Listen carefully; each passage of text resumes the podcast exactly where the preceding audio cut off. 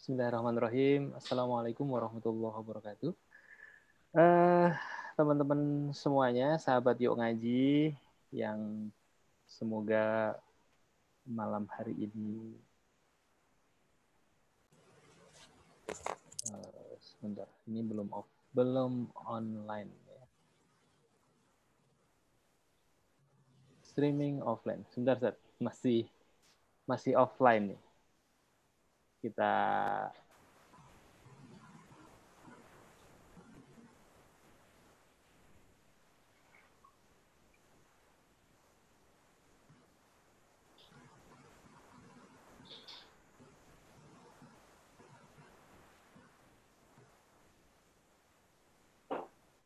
Oke, okay. Bismillahirrahmanirrahim. Assalamualaikum warahmatullahi wabarakatuh.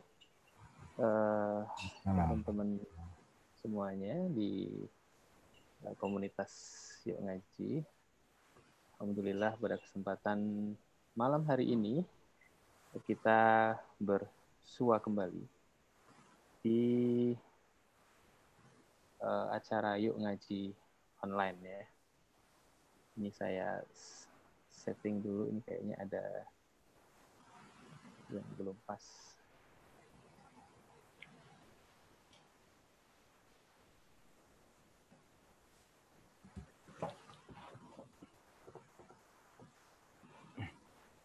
Uh, saya mau tanya ke teman-teman, ini videonya sudah nyala belum ya?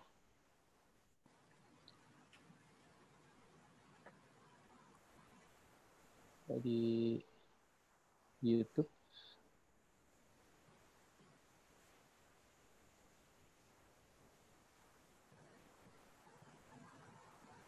Sebentar.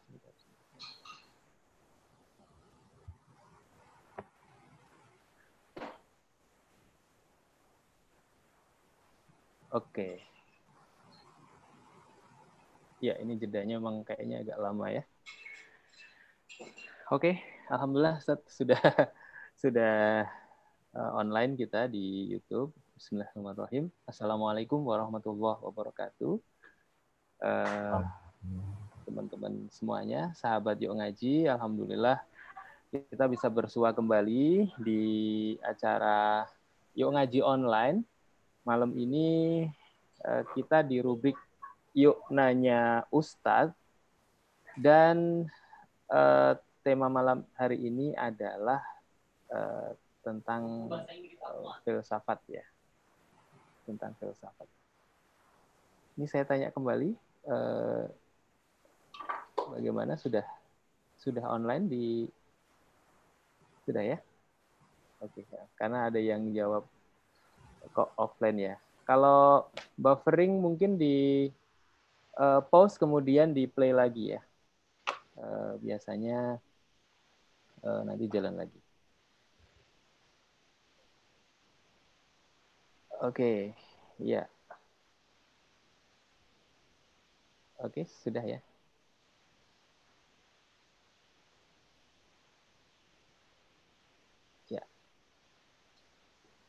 Bagaimana teman-teman? Sudah bisa menyimak ya? Oke. Alhamdulillah pada kesempatan malam ini kita akan bahas satu tema yang mungkin agak berat ya dari tema-tema sebelumnya. Jadi kalau eh, sebelumnya itu temanya tentang misalnya tentang eh, otaku dan hallyu gitu ya. Kemudian tema tentang eh, keseharian kita akan membahas satu tema yang uh, ini sebenarnya banyak di request di pertemuan-pertemuan sebelumnya yaitu tentang filsafat dan kita akan membahas uh, relasi Islam dan filsafat atau filsafat dan Islam uh, bagaimana pandangan Islam terhadap filsafat gitu ya. dan mungkin juga pandangan filsafat terhadap agama-agama gitu. Ada hal yang menarik yang mungkin nanti kita bisa dalami. Uh, mungkin dari aspek bedanya antara filsafat, falsafah dan filosofi gitu ya. Hal-hal yang sering kali kita pakai untuk uh, ngobrol gitu ya. Misalnya kalau kita lihat sesuatu Uh, kalau saya di dunia visual misalnya bikin logo gitu sering ditanya ini filosofi logonya apa ini filosofi visualnya apa atau kalau dalam kehidupan keseharian orang sering nanya e, falsafah hidupmu apa sih? Gitu. Itu ada pertanyaan kayak gitu juga. Uh, dan macam-macam tentang itulah. Tapi ada banyak hal juga yang berkaitan dengan itu. Kalau kita nanti baca di beberapa literatur misalnya saya beberapa kali mendapatkan mata kuliah tentang uh, filsafat sains misalnya di S1, S2 itu ada materi itu uh, itu berbicara misalnya tentang uh, bahwa filsafat itu ada tiga step gitu ya. Ada ontologi di mana kita ingin mendefinisikan sesuatu. Misalnya apa sih itu kebenaran gitu. Jadi yang disebut benar itu apa? Gitu. Kemudian orang nanti banyak mendefinisikan bahwa benar itu ternyata adalah uh, sesuatu yang yang dianggap uh, oleh orang banyak sebagai sesuatu yang uh, benar. Dan ada yang mengatakan ya benar itu uh, sesuatu yang disampaikan oleh pemimpin. Gitu. Itulah kebenaran. Kemudian ada yang mengatakan, oh kebenaran itu bukan itu, kebenaran itu adalah hakikat dari kebenaran itu sendiri. Jadi ada banyaklah pertanyaan-pertanyaan yang nanti berkaitan dengan pembahasan malam hari ini, termasuk ketika kita nanti uh, mempertanyakan uh, banyak hal di sekitar kita, ya pertanyaan-pertanyaan yang uh, mencakup apa, kenapa, begitu ya, kemudian di mana, kapan, kemudian untuk apa gitu. Nah, hal-hal yang mendasar seperti inilah yang kemudian menciptakan jawaban dan jawaban inilah yang kemudian dijadikan kesimpulan tentang sebuah perkara gitu. Nah, untuk untuk lebih uh, mempersingkat waktu kita di malam hari ini, alhamdulillah sudah hadir di tengah-tengah kita Ustadz eh, Hafiz Abdurrahman ya. Uh, beliau ini juga mendalami apa ya mendalami tentang filsafat gitu mendalami juga ilmu mantik ya nanti kita bahas ilmu mantik itu apa Membah, mendalami juga ilmu kalam ya. ini juga ada istilah-istilah mungkin yang baru yang nanti bisa kita gali lebih dalam ya uh, sudah banyak yang bergabung di YouTube nah nanti teman-teman bisa juga bergabung untuk memberikan ya komentar, memberikan kalau ingin bertanya silahkan, memberikan uh, isi pikirannya silahkan. Uh, malam hari ini kita akan bahas tentang filsafat. Oke, saat uh, ini kita juga mengundang beberapa teman-teman yang malam hari ini masih setia di acara pesantren Ramadan Yuk Ngaji Solo. Jadi nanti teman-teman ini akan hadir di uh, forum Zoom ini untuk uh, bertanya secara langsung. Dan ini sudah malam ke-28, uh, insya Allah uh, malam 28 berarti besok malam ke-29 Ustaz ya. Dan uh, perkiraan Ramadan itu hari hari Sabtu ya. Oke Ustaz, uh, kita langsung mulai saja ini pembahasan kita tentang Islam dan filsafat. Uh, kita mulai dari apa sih sebenarnya Ustaz filsafat ini? Kalau menurut Ustaz Hafiz, silahkan. Monggo Ustaz. Assalamualaikum warahmatullahi wabarakatuh. Waalaikumsalam warahmatullahi wabarakatuh. بسم الله الرحمن الرحيم. الحمد لله والصلاة والصلاة على رسول الله وعلى آله وصحبه ومن لا حول ولا قوة إلا بالله. رب اشرح لي صدري ويسر لي أمري واحلل عقدة من لساني يفقهوا قولي.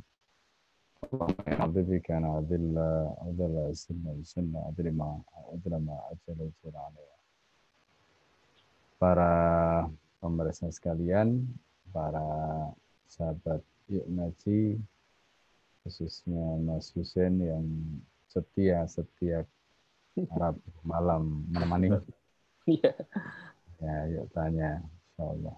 Semoga malam ini kehadiran semuanya diberkahi oleh Allah Subhanahu wa taala. Baik. Jadi pertama berbicara tentang filsafat, saya ingin cerita sedikit eh, bagaimana kemudian hubungan antara filsafat ini dengan Islam. Jadi perlu kita pahami munculnya filsafat Yunani itu lebih dulu ketimbang munculnya Islam. Hmm. Karena Islam itu diturunkan oleh Allah di tanah Arab. Dan tanah Arab itu termasuk khususnya Mekah itu termasuk tempat yang dalam tanda privasi. Artinya tanah Hijaz itu dia tidak kalau kita boleh sebut dia bukan seperti Syam. Jadi di sana itu eh, tempatnya gersang, ya, bebatuan, kalau ada itu padang pasir, gitu. Eh, mereka kalau berdagang itu keluar. Hmm. Jadi Syam itu adalah tempat yang menghubungkan antara wilayah yang ada di pedalaman yang disebut uh, Badawa atau Badui. Badui itu kan pelosok di dalam. Gitu. Nah, lawannya Badui itu Khadar. Makanya ada istilah Badawa wal Khadar. Bad wal khadar. Khadar itu kemudian dipakai untuk istilah peradaban. Hmm. Nah, karena maju. Jadi eh, dulu wilayah-wilayah di wilayah Syam itu karena pengaruh dari kekuasaan Romawi, maka wilayah ini dulu lebih maju dibanding dengan wilayah di Timur Tengah, khususnya wilayah Hijaz karena Hijaz itu ketika itu masih merupakan daerah yang seperti tadi disebutkan Gersang. Hijaz itu semenanjung Arab itu, Jazirah Arab yang uh, ke bawah itu. Uh, Hijaz itu ya wilayah Saudi lah bisa disebut hmm. wilayah Saudi. Nah kalau kalau Jazirah Arab itu tujuh negara itu di luar sudah sudah hmm. apa namanya di luar Hijaz.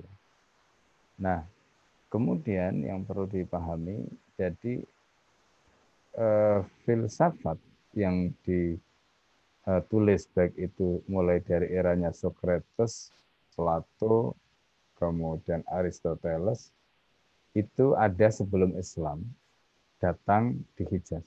Ya.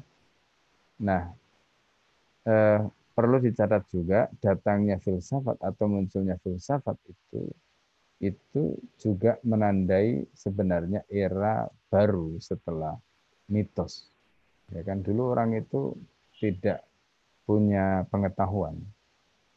Jadi mereka itu melakukan sesuatu itu berdasarkan mitos. Ya kan? Makanya ada istilah era mitos kemudian era logos. Logos itu kan pengetahuan.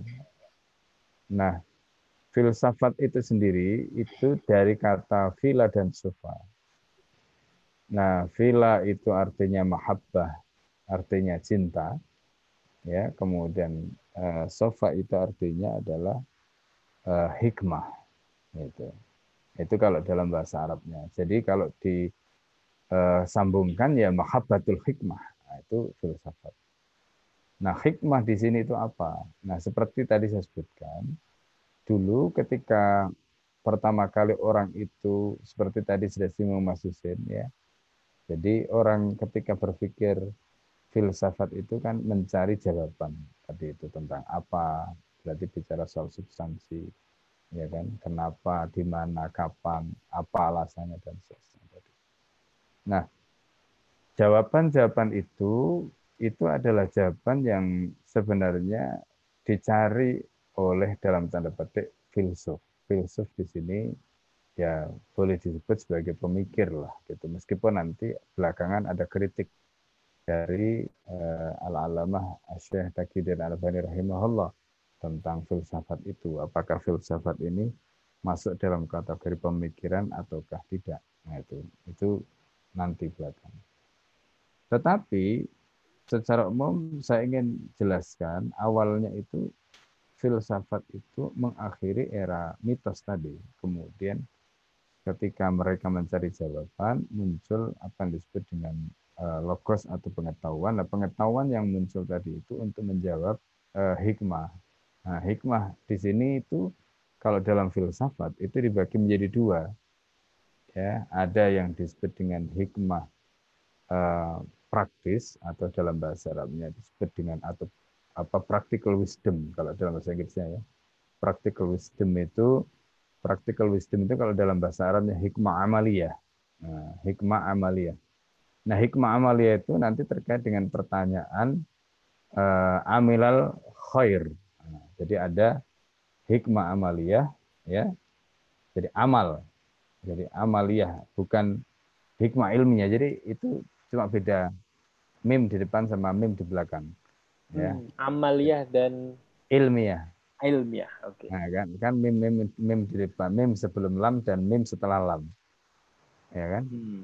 Jadi hikmah uh, yang pertama itu hikmah amaliyah dan yang kedua adalah hikmah ilmiah. Ya nah, jadi kalau hikmah amaliyah itu konteksnya dengan uh, amila al khair. Nah, jadi itu yang disebut dengan practical wisdom. Nah, jadi untuk melaksanakan nah. Kemudian kalau hikmah ilmiah, ya hikmah ilmiah itu adalah alima al-haq. Nah, itu kalau dalam bahasa Arabnya. Jadi mengetahui kebenaran. Jadi kalau tadi itu eh, mengamalkan kebajikan, nah sekarang mengetahui kebenaran. Nah, itu yang disebut dengan theoretical wisdom. Itu. Ya. Nah, jadi sebenarnya filsafat itu menjawab dua itu. Itu menjawab yang pertama tadi itu adalah perkara yang terkait dengan amil al khair, ya practical wisdom tadi. Kemudian yang kedua, menjawab tentang alim al haq atau theoretical wisdom.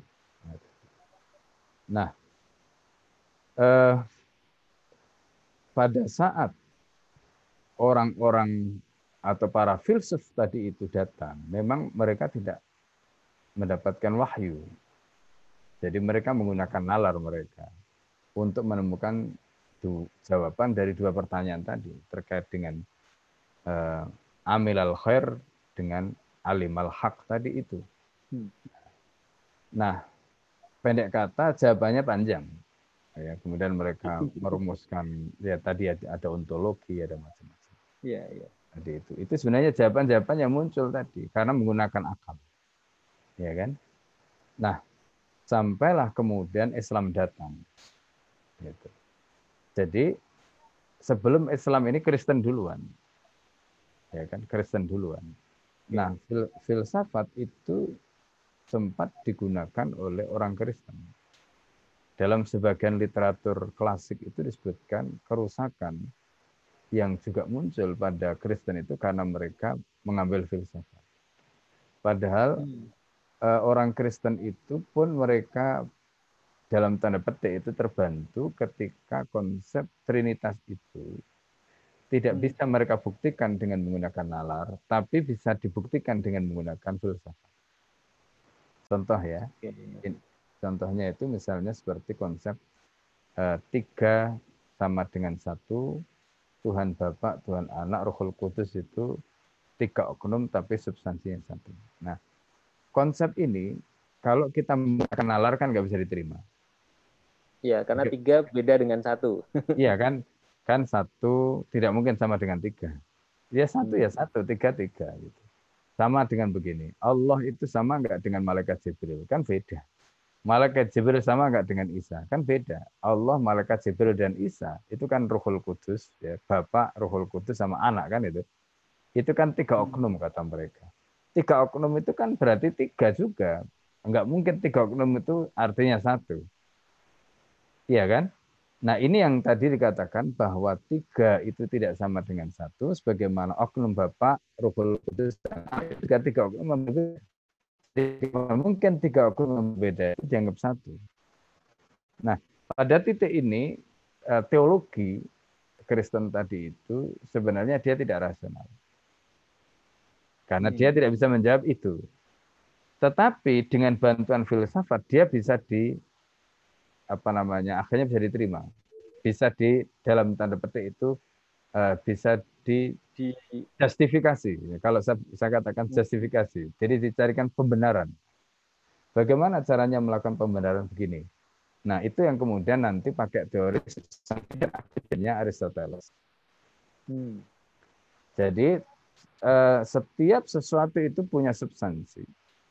Misalnya manusia itu substansi. Aksidennya manusia itu apa? Ada laki, ada perempuan, itu aksiden. Hmm. Ya. Eh, kemudian ada tinggi, ada pendek, ada hitam, ada putih. Itu aksiden. Tapi substansinya manu, manusia. Nah, ini. ini teori substansi dan aksiden. Teori substansi dan aksiden ini, ini konsepnya Aristoteles. Yang kemudian, atau kalau dalam bahasa Arabnya itu disebut dengan jauhar dan arot. Jauhar itu substansi, arot itu uh, aksiden. Ya.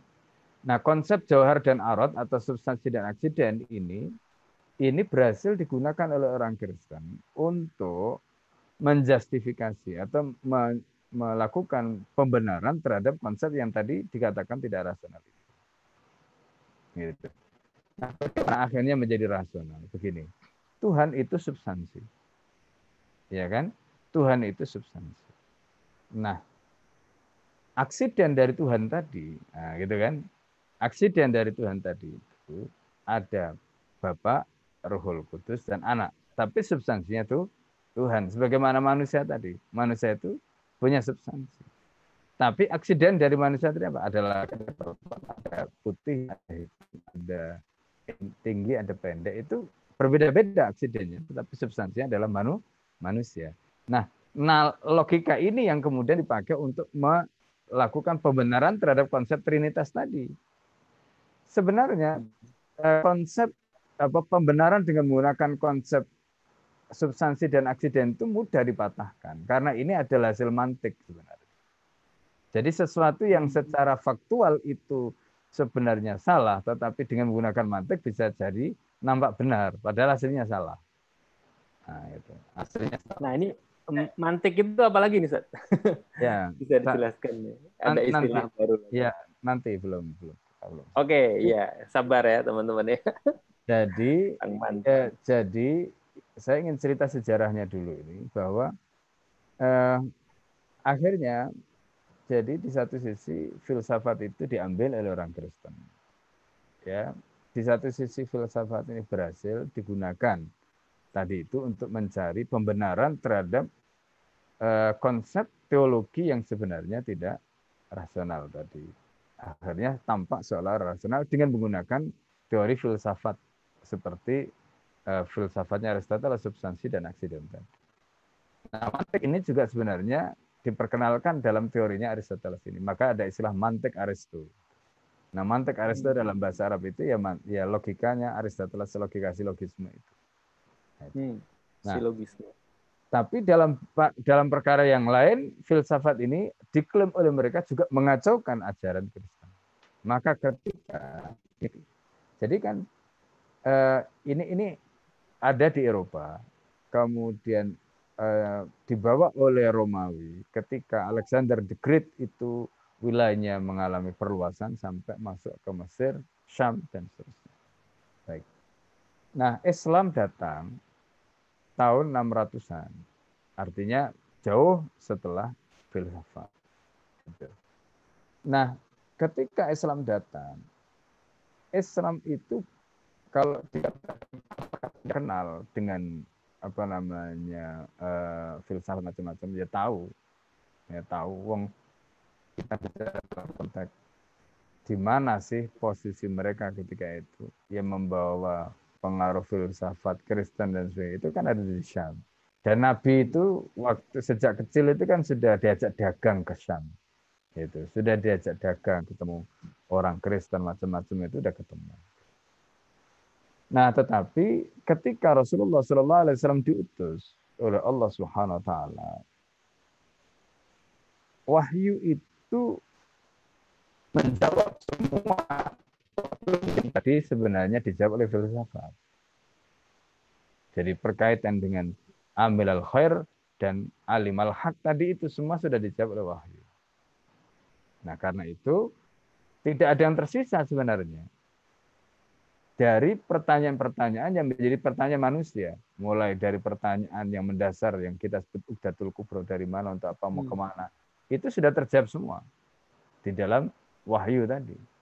Nah inilah yang kemudian membedakan antara Islam atau antara syariah dengan filsafat Di mana jawaban-jawaban yang diberikan oleh filsafat tadi itu datang dari akal manusia karena mereka tidak mendapatkan wahyu sementara jawaban yang sama itu diberikan oleh wahyu ya dalam bentuk syariah tadi.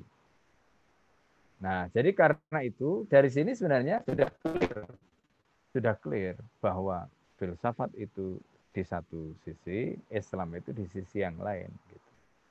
Dengan kata hmm. lain, apa yang menjadi persoalan yang dihadapi manusia yang kemudian berusaha untuk dijawab oleh para filsuf tadi, itu kemudian dijelaskan dengan jelas, dengan utuh, dengan rinci, dengan detail oleh Islam. Nah, gitu. Nah, jadi pendek kata Rasulullah SAW kalau kita lihat di dalam proses ya wahyu yang turun kepada Nabi yang kemudian diajarkan kepada para sahabat itu sama sekali tidak pernah menggunakan filsafat. Sama sekali tidak pernah menyentuh, tidak pernah menggunakan pendekatan.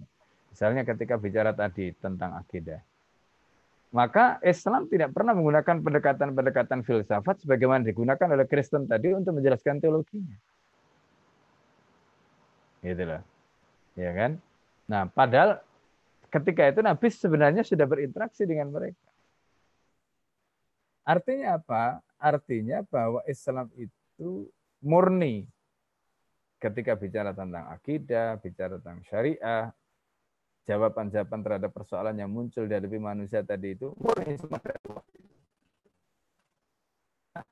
di sini, di sini kemudian istilah. Jadi kalau kita baca di dalam apa namanya Eh, jadi kita baca di dalam bukunya Ibnu Rus ya kan. Jadi Ibnu Rus itu kemudian ya Ibnu Rus itu kan kemudian mencoba setelah eh, mulai umat Islam itu mengenal filsafat. Jadi kalau kita lihat periodisasinya tadi kan pada zaman Nabi, pada zaman sahabat itu kan nggak mengenal itu. Kemudian baru mereka berinteraksi dengan filsafat. Itu ketika umat Islam setelah Nabi wafat, kemudian wilayah-wilayah yang tadi saya sebutkan, bekas wilayah Romawi itu mulai ditaklukkan oleh kaum muslimin. Seperti wilayah Syam, wilayah Mesir, ya terutama Alexandria itu mulai ditaklukkan oleh kaum muslimin. Nah, di situlah mereka mulai mulai berinteraksi. Ya. Nah, ketika mereka dakwah, karena dakwah Islam itu tidak boleh dengan menggunakan kekerasan, harus dengan menggunakan pemikiran, maka uh, dakwah tadi itu mau tidak mau kemudian akhirnya mereka harus sampaikan dengan menggunakan pemikiran. Mereka harus sampaikan dengan kekuatan hujah, argumen. Nah, ini yang harus kita pahami. Nah, maka umat Islam itu baru mulai berinteraksi dengan filsafat dalam konteks gagasannya atau pemikirannya secara spot-spot itu itu baru setelah abad ke-2 Hijriah ya terutama ketika mereka menaklukkan wilayah yang tadi disebutkan itu. Nah, itu pun setelah buku-buku filsafat ini terjemahkan.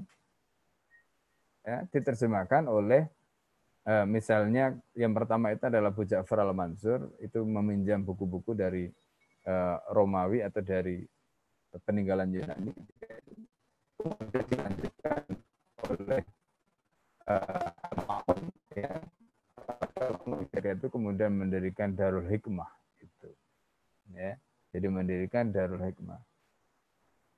Nah suara saya masuk mas ya iya ini tadi agak ada ada keras apa ya uh, kurang jelas sedikit ada masalah di oke okay. nah ini hilang Bentar.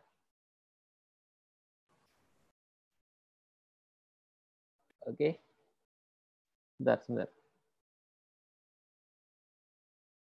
Di unmute. Oke. Okay. Uh, Bisa. Halo? Halo? Ya. Masuk. Okay. Sudah, masuk lagi dilanjutkan. Ya, jadi itu alurnya. Nah, hmm. jadi karena itu munculnya filsafat di dunia Islam itu itu setelah uh, periode terutama setelah munculnya ali kalam. Hmm. Jadi kalau kita lihat pada zaman Nabi, pada zaman sahabat, ya, sampai generasi uh, tabiin itu boleh kita katakan belum. Munculnya filsafat hmm. itu setelah munculnya aliran atau uh, madhab akidah seperti Mu'tazilah, lalu kemudian dilawan oleh Jabariyah, kemudian lagi dilawan oleh Alusuna atau Ash'ari, Maturidi dan At-Tahawi. Nah, setelah periode itu, setelah periode itu baru kemudian muncul muncul eh, orang-orang yang kemudian mempelajari filsafat. Nah, mereka ini yang kemudian uh, secara intens. Maka Al-Ghazali kemudian di dalam kitabnya seperti uh, Al-Iqtisad fil Itiqad, Tahafud Falasifa, Al-Munkid Minad Dalal, itu kemudian membagi dua. Jadi ada filosof tadi dan ada mutakalimin. Itu berbeda. Hmm. Jadi kalau mutakalimin ahli kalam dan status mereka ini muslim karena mereka itu masih menggunakan kaidah berpikir Islam, mereka belajar ilmu kalam itu dalam rangka menguatkan Islam. Nah, berbeda dengan para filsuf ini. Filsuf ini kaidahnya bukan berpikir Islam, mereka belajar filsafat bukan untuk menguatkan Islam, tapi belajar itu dalam rangka untuk uh, istilahnya itu jiplak atau muntakhil kalau dalam bahasanya Ibnu Khaldun itu sud muntakhil. Muntakhil itu jiplak. Ya. Jadi hmm. karena itu kalau kita perhatikan apa yang dibahas oleh Al-Farabi, pertama Al-Kindi, Al-Farabi, kemudian Ibnu Sina sampai ya, ya. Jadi ada filsafat di barat dan ada filsafat di timur.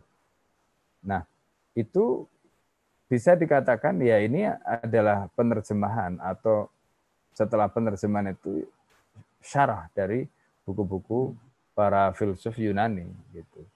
Nah, karena itu kalau kita baca kenapa kemudian Al-Ghazali mengkafirkan para filsuf muslim tadi itu dalam kitab Tahafud Falasifa, dalam kitab Al-Iqtisad fil dalam kitab Al-Munkid Minad Dolal itu ya, meskipun kemudian Al-Ghazali dituduh menjadi biang kejumudan karena mengkafirkan para hmm. filsuf tadi. Nah, itu karena tadi sebenarnya tidak ada hubungan antara filsafat itu dengan Islam.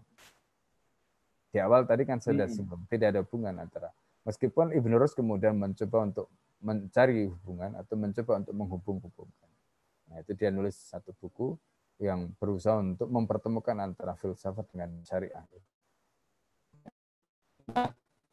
Jadi dalam konteks ini maka dua kelompok tadi antara mutakalimin dengan uh, filsuf muslim tadi itu berbeda, berbeda dari segi asasnya yang satu masih menjadikan akidah Islam sebagai asas berpikirnya, kemudian mereka kepentingannya belajar kalam tadi itu dalam rangka mengokohkan atau isbat al-aqaid al-islamiyah, mengokohkan akidah Islam. Tapi yang satu tidak, yang para filsuf muslim ini. Jadi dia belajar, berpikirnya itu bukan berdasarkan akidah Islam atau tidak menjadikan akidah itu sebagai kaidah berpikirnya, kemudian juga tidak ada kepentingan untuk isbat al-aqaid al-islamiyah tidak ada, tetapi mereka lebih kepada kegandrungan kepada pemikiran Aristoteles, pemikiran Socrates, pemikiran Plato dan seterusnya.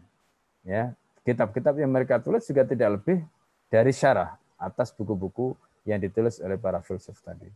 Baik itu misalnya Al-Madinah Al-Fadilahnya Al-Farabi, ya, eh, itu apa namanya eh, konon itu adalah merupakan penjelasan ya, bukunya Plato, kemudian Aristoteles yang kemudian disyarah oleh Al-Farabi ya yang sampai Al-Farabi itu disebut sebagai al-muallim asani guru yang kedua karena guru pertamanya adalah hmm. Plato. Nah, kemudian mm, kemudian konsep misalnya tentang jadi ketika ketika siapa namanya uh, Aristoteles itu bicara tentang teori teori penciptaan ya kan itu muncul konsep bahwa antara Tuhan dengan alam itu muncul bersamaan tanpa di apa dahului. Ya maksudnya bersamaan tanpa didahului dengan zaman dengan waktu.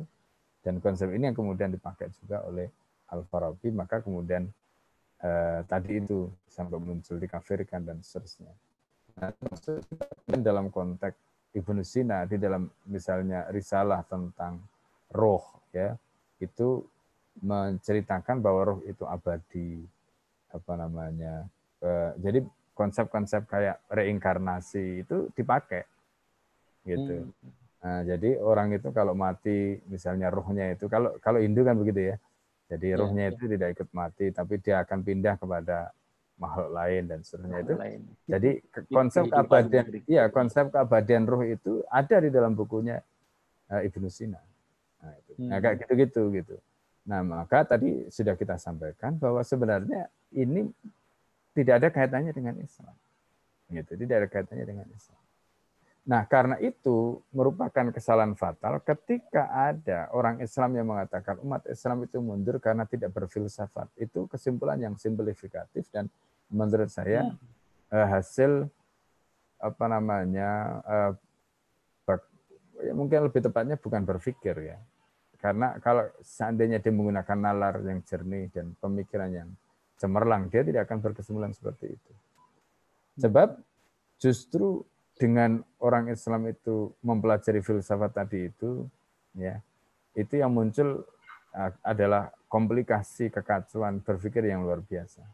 Hmm, ya. Nah, jadi eh, makanya kemudian kalau kita baca ya kitab-kitab yang sudah kemasukan unsur-unsur filsafat itu contoh misalnya seperti kalam. Itu perdebatan kalam itu kan kata al, al, al razi ya. Al razi itu sampai mengatakan begini lama khotu ilmu kalam mawat satu ila wakola jadi ketika aku menekuni ilmu kalam itu aku tidak mendapati kecuali katanya dan katanya katanya katanya. Kan pusing kan orang kalau bicara apa namanya bicara tentang kebenaran itu nggak pernah ketemu. Jadi karena ini begini, ini begini, ini ini namanya kila wakala. Hmm. Mawat satu ilah kila wakala. Al Ghazali itu di dalam kitab uh, Ihya Ulumuddin juga mengatakan begitu. Jadi uh, kurang lebih kalimatnya itu uh, man ta'amaka fi ilmil kalam. Jadi kalau orang itu mendalami ilmu kalam itu ya itu seperti orang yang berenang di lautan. Hmm. Jadi seperti orang yang berenang di lautan. Itu. Nah, apa kata beliau bisa selamat bisa enggak? Hmm. Ya. Nah, maka Al-Ghazali kemudian menulis kitab Al-Iqtisad fil Itiqad. Al-Iqtisad itu artinya kan kesederhanaan. Bisa juga disebut begitu. Kesederhanaan bisa atau bisa juga disebut Nah, jadi terakhir sebelum beliau meninggal itu beliau menulis kitab Iljamul Awam an Ilmul Kalam. Jadi justru orang awam itu jangan belajar ilmu kalam. Nah, jadi ini karena karena komplikasi tadi. Nah, kemudian kemudian eh, ketika ilmu kalam itu sudah masuk karena Imam Al-Ghazali sendiri yang pada akhirnya itu membawa ilmu kalam itu sebelum kitab-kitab yang tadi saya sebutkan itu. Karena Imam Al-Ghazali dengan gurunya Imam Al-Haram Eh, pembahasan terkait dengan mantik, pembahasan yang terkait dengan dalam tanda petik tadi itu apa yang menjadi perdebatan kalau itu masih dimasukkan di dalam kitab usul fikih. Makanya kitab usul fikih itu yang harusnya berisi kaidah al-qawaid allati yatawassalu bi al-istinbatil ahkam itu, kaidah yang bisa digunakan untuk menggali hukum. Itu jadi akhirnya dipenuhi dengan kila kola, kila kola, kila kola, kila kola. Itu. Nah, itu. Sebagaimana kitab ilmu kalam tadi. Dan pembahasan-pembahasan yang tidak ada hubungannya dengan usul fikih masuk di situ. Nah, ini contoh. Ya. Nah, jadi ini gambaran gambaran eh, pengaruh buruk. Maka tadi saya katakan sebenarnya umat Islam tidak membutuhkan hal-hal kayak begini ini yang akhirnya justru menimbulkan komplikasi luar biasa. Gitu. Nah, hmm. cuma sayangnya kan rumusan kalau kan ini ibaratnya kan sudah terlanjur dimasukkan. Nah, hmm. setelah itu dimasukkan, belum ada ulama-ulama yang berhasil menapis gitu. Artinya supaya ini murni lagi. Sampailah kemudian hmm. muncul uh, Al-Allama Asy'ah Taqidan Ahmad rahimahullah dengan hmm. pemikiran-pemikirannya yang jernih mencoba untuk menapis yang begitu-begitu sehingga memurnikan kembali. Jadi misal usul fikih dimurnikan supaya filsafat tidak masuk di situ, ilmu kalam tidak masuk di situ, dimurnikan. Kemudian hmm. akidah juga begitu, coba dimurnikan sehingga pembahasan-pembahasan seperti tadi itu tidak membuat kebingungan-kebingungan dan akhirnya membuat akidah kaum muslimin justru rapuh. Tujuan awalnya itu kan untuk mencari jawaban, tapi justru tidak mendapatkan jawaban, malah akhirnya berujung pada kebingungan. Itu yang jadi masalah. Makanya kan akhirnya ya begitu itu. Kalau kita lihat orang yang berfilsafat itu kan, kalau orang-orang Jawa bilang itu sampai beleleng, beleleng gitu kan. Kalau dulu bahasanya anak pesantren itu sampai jazab. Nah, gitu. nah ini. Hmm. Jadi ini ini contoh ya. Jadi makanya sebenarnya yang dibutuhkan umat Islam hari ini bukan itu. Nah, itu bukan itu. Nah, termasuk kalau tadi ada pertanyaan tentang mantek, posisi mantek dan seterusnya itu di mana, apa itu mantek. Nah, saya kemarin di kajian uh, di tempat yang lain sama juga online hmm. begini. Nah, nanti mungkin bisa di di nanti mungkin saya bisa saya kirim link, linknya ya. Itu itu okay. panjang lebar karena membahas tentang khusus tentang mantik itu itu panjang hmm. lebar. Tapi intinya begini. Jadi mantik ini itu adalah uh, ilmu ya yang sebenarnya bicara tentang alat saja mantik itu. Alat yang bisa digunakan untuk berpikir. Alat yang digunakan untuk meskipun definisinya tadi dikatakan sebagai alat berpikir yang bisa digunakan untuk memastikan bahwa pemikiran kita itu lurus. Nah, gitu. Itu mantik gitu. Hmm. Faktanya kemudian mantik itu juga nggak begitu, tergantung alat ini kan kita mau pakai apa. Saya tidak mengatakan mantik salah, cuma mantik itu kadang-kadang digunakan kebablasan gitu, sehingga akhirnya hasilnya jadi tidak sesuai dengan apa yang dimaksud oleh ilmu tadi. Kan ilmu itu kan tadi dikatakan sebagai alat yang bisa digunakan untuk menjaga pikiran kita supaya tidak salah kan begitu. Supaya eh, pemikiran kita tetap lurus. Tapi karena bablas, ya kebablas, gitu, akhirnya justru terjebak kepada eh, persoalan-persoalan yang tadi itu muncul kekacauan-kekacauan dari kila kola, kila kola, kila kola. Itu juga karena kebablasan tadi. Nah, terus pertanyaan berikutnya. Nah, apa yang bisa ngerem supaya pikiran kita itu nggak bablas tadi? Nah, kuncinya itu sebenarnya satu. Yaitu kenapa tadi itu kan kita bicara baik itu filsuf Yunani, kemudian setelah itu muncul mutakalimin, ya kan? Setelah itu muncul para filsuf muslim, sampai kemudian ulama-ulama berikutnya itu, kenapa kemudian bablas tadi? Itu karena persoalan mendasar yang terkait dengan akal itu belum ditemukan oleh mereka. Hmm. Ya, dan itu bisa kita lihat dalam pembahasan misalnya eh, baik itu pembahasannya Aristoteles, pembahasannya sampai um, Kalimin, sampai kemudian eh, ulama-ulama berikutnya seperti Al-Amidi itu punya kitab Al-Mubayyan yang mengumpulkan definisi termasuk di antaranya definisi tentang akal dari mulai zaman uh, Yunani sampai zaman beliau itu tidak ada satu pun definisi akal yang presisi. Kalau kita bicara tentang mantek itu kan salah satunya kan itu bicara tentang definisi. Definisi itu apa? Definisi itu kan kalau dalam bahasa singkatnya itu kan jamik manik kan kriterianya itu.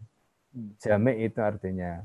Jadi kalau dalam bahasanya Al-Ghazali itu ya ala wajin yajma wa yamna. Nah, dalam bentuk yang bisa. Jadi ta'rif itu apa? Ta'rif itu adalah tahdidul waqi' ala wajin yajma wa yamna. Nah, itu membatasi fakta dalam bentuk yang yajma yang jami' dan yamna yang bisa manik itu. Artinya jami' itu berarti semua elemen yang harus didefinisikan itu ada dan apa yang tidak menjadi bagian itu itu namanya jamek manek. Nah, gitu. nah, tetapi kalau kita perhatikan, mereka itu ketika bicara tentang definisi akal, batasan akal, itu tidak bisa. Belum ada yang menemukan. Al-Ghazali sendiri dalam kitab Al-Mustasaf Ilmu Usul itu menjelaskan akal itu dengan ungkapan al-aklu kal mirat. Akal itu seperti cermin. Berarti akal itu kalau gambarannya seperti cermin, akal itu dalam proses berpikir itu seperti cermin yang memantulkan bayangan atau cermin yang memantulkan objek. Ya kan? Nah, cermin itu kan ada dua, ada cermin yang apa bisa memantul dan ada kaca yang Nah, cermin itu merefleksi. Nah, seperti itu. Nah, pandangan Al-Ghazali ini kelihatannya yang kemudian dipakai oleh Karl Marx kemudian dengan teori hmm. apa namanya uh, refleksi fakta ke dalam otak, otak ke dalam fakta. Nah, itu. Nah, itu itu konsep konsep bahwa akal itu seperti cermin tadi. Nah, pertanyaannya kemudian betul nggak akal itu seperti cermin? Nah, ini contoh perdebatan-perdebatan ketika kita bicara tentang definisi uh, akal tadi. Intinya apa? Ketika fakta tentang akal itu belum ditemukan, inilah yang kemudian menyebabkan tadi mantik, macam-macam tadi tadi bablas semua gitu, karena nggak ada batasan. Jadi batasan mana ini bisa dipakai sebagai alat, batasan mana oh ini sudah nggak boleh dipakai sebagai alat itu bablas semua karena batasan akal yang yang menjadi substansi tadi itu nggak jelas. Nah, sampailah kemudian eh, muncul misalnya contoh perdebatan antara Mu'tazilah dengan Alusuna atau Mu'tazilah hmm. dengan Jabariyah, baik itu terkait dengan konsep sifat Allah, ya kan sifat Allah itu menyatu dengan datnya atau tidak, ya kan? Ah, Jabariyah mengatakan apa Mu'tazilah mengatakan menyatu, mengatakan tidak. Sifat dengan mausuf itu harus berbeda macam-macam. Sampai kemudian muncul sifat 20 kemudian muncul reaksi berikutnya. Ada pembahasan asma wa sifat dan ini kan sebenarnya implikasi-implikasi dari pembahasan tadi. Awalnya itu dari situ nah kenapa pembahasan seperti itu muncul karena batasan tentang akal tadi tidak jelas gitu. jadi karena belum ada ulama yang menemukan batasan tentang akal tadi Nah, ketika batasannya tidak jelas, maka kemudian akhirnya pembahasannya jadi nggak karu-karuan ke mana-mana. Nah, itulah yang kemudian akhirnya yang ini ngomong begini, dan itu seolah-olah benar, yang ini ngomong begini, dan itu seolah-olah benar. Termasuk pembahasan tentang bahwa Al-Quran itu makhluk atau tidak, itu juga dampak dari persoalan ini. Dan masing-masing kemudian kan akhirnya mengklaim. Ya, ketika Mu'tazilah berkuasa, ya diklaim pikiran Mu'tazilah yang benar bahwa Al-Quran itu makhluk. Setelah itu kemudian alusuna yang berkuasa, pemikiran itu dianggap sesat dan begitu. Hmm. Jadi ini ini yang kemudian memunculkan persoalan-persoalan uh, di tengah umat tadi itu. Kuncinya sebenarnya apa? Perdebatan yang tidak ada standarnya, tidak ada patokannya. Hmm. Kenapa? Karena pembahasan ini, pembahasan ini tadi itu bablas ke mana-mana karena hmm. batasan akal tadi belum ditemukan ketika itu. Hmm. Nah, sampailah kemudian Nah, dari sinilah saya ingin sampaikan al-alamah uh, Asyikh Al-Qadi ya, Muhammad Taqi dan Nafani rahimahullah di dalam kitab tafkirnya itu kemudian menemukan atau merumuskan semua tadi mulai dari batasan akal, ta'riful akal itu apa, kemudian tafkir itu apa, metode berpikir apa itu baru ketemu. Hmm. Begitu itu ketemu ya runutannya tadi enak Tadi saya katakan mantik misalnya, bukan kita tidak boleh menggunakan mantik. Boleh kita menggunakan mantik, tapi ada istilahnya term and condition. Nah, gitu, enggak kita pakai. Kalau sebelumnya kan enggak, bebas terserah. Gitu. Maka kemudian akhirnya mantik dipakai macam-macam. Di bidang hukum dipakai, di bidang macam-macam dipakai. Nah, itu. Sehingga akhirnya hukum yang harusnya sudah enggak ada masalah jadi masalah karena menggunakan mantek tadi. Jadi ini akhirnya dampaknya ke mana-mana. Hmm. Nah, jadi itu mas, apa memang persoalan ini eh, tadi intinya itu perlu dipetakan. Kemudian hmm. yang lebih penting lagi itu adalah harus punya rumusan. Dan dan selama ini seperti yang kita tahu eh, belum ada ulama yang merumuskan seperti yang dilakukan oleh Sadaqi dan Arfai rahimahullah tadi. Maka boleh kita katakan beliau ini punya jasa besar dalam membuat rumusan akal tadi. Sehingga dari situ akhirnya batasan berpikir itu menjadi jelas. Ya, jadi hmm. meskipun beliau ini kan sering dituju Mu'tazilah. Padahal orang yang menuju Mu'tazilah itu nggak ngerti juga. Nggak ngerti hmm. Mu'tazilah juga nggak ngerti, nggak ngerti uh, akal juga nggak ngerti. Gitu. Asal jeplak saja sebenarnya ini. Nah, itu yang yang iya. sayang sebenarnya. Nah, kita yang mempelajari ilmu kalam, yang mempelajari filsafat, ya baik filsafat Yunani maupun filsafat Islam itu sudah tahu. Jadi tahu titik-titiknya tadi di mana. Itu saya kira. Oke, ya teman-teman. uh, pembukaannya cukup mencerahkan. Ustaz Hafiz bicara tentang uh, sejarah ilmu filsafat yang sebenarnya hadir sebelum Islam ada. Jadi kalau kita lihat tadi penjelasannya manusia hidup tentu ada masalah dong, banyak masalah. Nah, eh, dari beragam masalah ini orang kan kemudian berpikir bagaimana cara menyelesaikannya atau bagaimana mengatasinya. Kemudian eh, mereka menyimpulkan sesuatu dari proses berpikir dan itu menggunakan apa yang disebut akal sebelumnya menggunakan apa yang disebut sebagai mitos gitu. Kalau pendapatnya misalnya Bapak sosiologi itu ya, Auguste Comte itu mengatakan linearnya itu manusia dari dari uh, tadi dari teologi dia bilang ya bahkan uh, dengan kata lain bukan teologi dia bilang uh, mitos kemudian masuk zaman metafisika kemudian masuk zaman rasional di mana orang sudah menggunakan akal. Uh, tapi juga ini satu proses yang tidak tidak menyelesaikan masalah begitu saja. Gitu. Kemudian Islam hadir uh, mengenalkan satu konsep yang sederhana gitu, sederhana yang kemudian itu menyelesaikan masalah. Gitu. Nah dari situlah uh, kemudian orang bisa menyelesaikan masalahnya sampai nanti uh, umat Islam ini bersentuhan lagi dengan filsafat di daerah Syam dan sekitarnya. Katakanlah sederhananya adalah kita mau makan pakai tangan kanan atau pakai tangan kiri. ini kan perlu diselesaikan ini. E, kalau menurut logika ini kira-kira gimana? E, mending kanan atau mending kiri gitu. Kalau menurut logika mungkin orang akan mengatakan oh ya tergantung kebiasaan. Kalau biasaannya pakai kiri ya kiri. Kalau pakai kanan ya kanan lah gitu. Nah, itu perdebatan kan, perdebatan ketika ingin menyelesaikan satu masalah. Kemudian Islam hadir memberikan satu konsep yang sederhana ya dalam Al-Qur'an, dalam hadis ya. Kemudian eh, Rasulullah mengatakan ya kalau makan pakai tangan kanan kan sebenarnya selesai masalah gitu ya.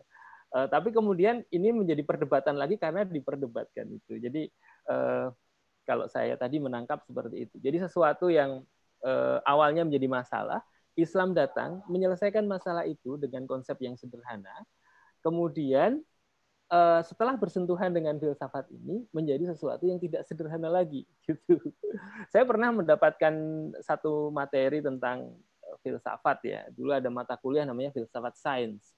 Itu ada uh, aliran filsafat hermeneutika. Jadi hermeneutik. Uh, filsafat hermeneutik ini punya satu postulat. Postulat itu sesuatu yang dianggap benar lah. Itu mengatakan bahwa kebenaran itu bersifat jamak pertama. Yang kedua, tidak boleh ada klaim kebenaran tunggal. Itu yang kedua. Gitu. Uh, ini adalah salah satu cara berpikir untuk menyimpulkan ses, uh, sesuatu tentang kebenaran karena melihat tidak ada standar tentang kebenaran itu sehingga mengatakan ya kebenaran itu jamak gitu. Kemudian yang kedua adalah tidak ada kebenaran tunggal, jadi tidak ada kebenaran absolut di situ. Itu kan uh, itu kan cara berpikir hermeneutik kan begitu. Jadi uh, aliran hermeneutika yang kemudian uh, cara berpikir ini dipakai untuk uh, me menafsirkan Al-Qur'an atau menginterpretasi menginterpretasi Al-Qur'an sehingga nanti muncul istilah bahwa tidak boleh ada tafsir tunggal di dalam Al-Qur'an. Al-Qur'an ini tafsirnya jamak gitu. Dan orang bisa berkesimpulan apa pun dari ayat-ayat yang ada karena ayat itu teks dan kesimpulan itu konteks. Jadi bingung kan akhirnya. Nah, seperti itulah kira-kira bagaimana kita eh, memandang eh, aliran-aliran filsafat yang ada. Salah satunya tadi eh, filsafat hermeneutika. Nah, pada saat kuliah itu, waktu itu saya tanya ke dosen saya,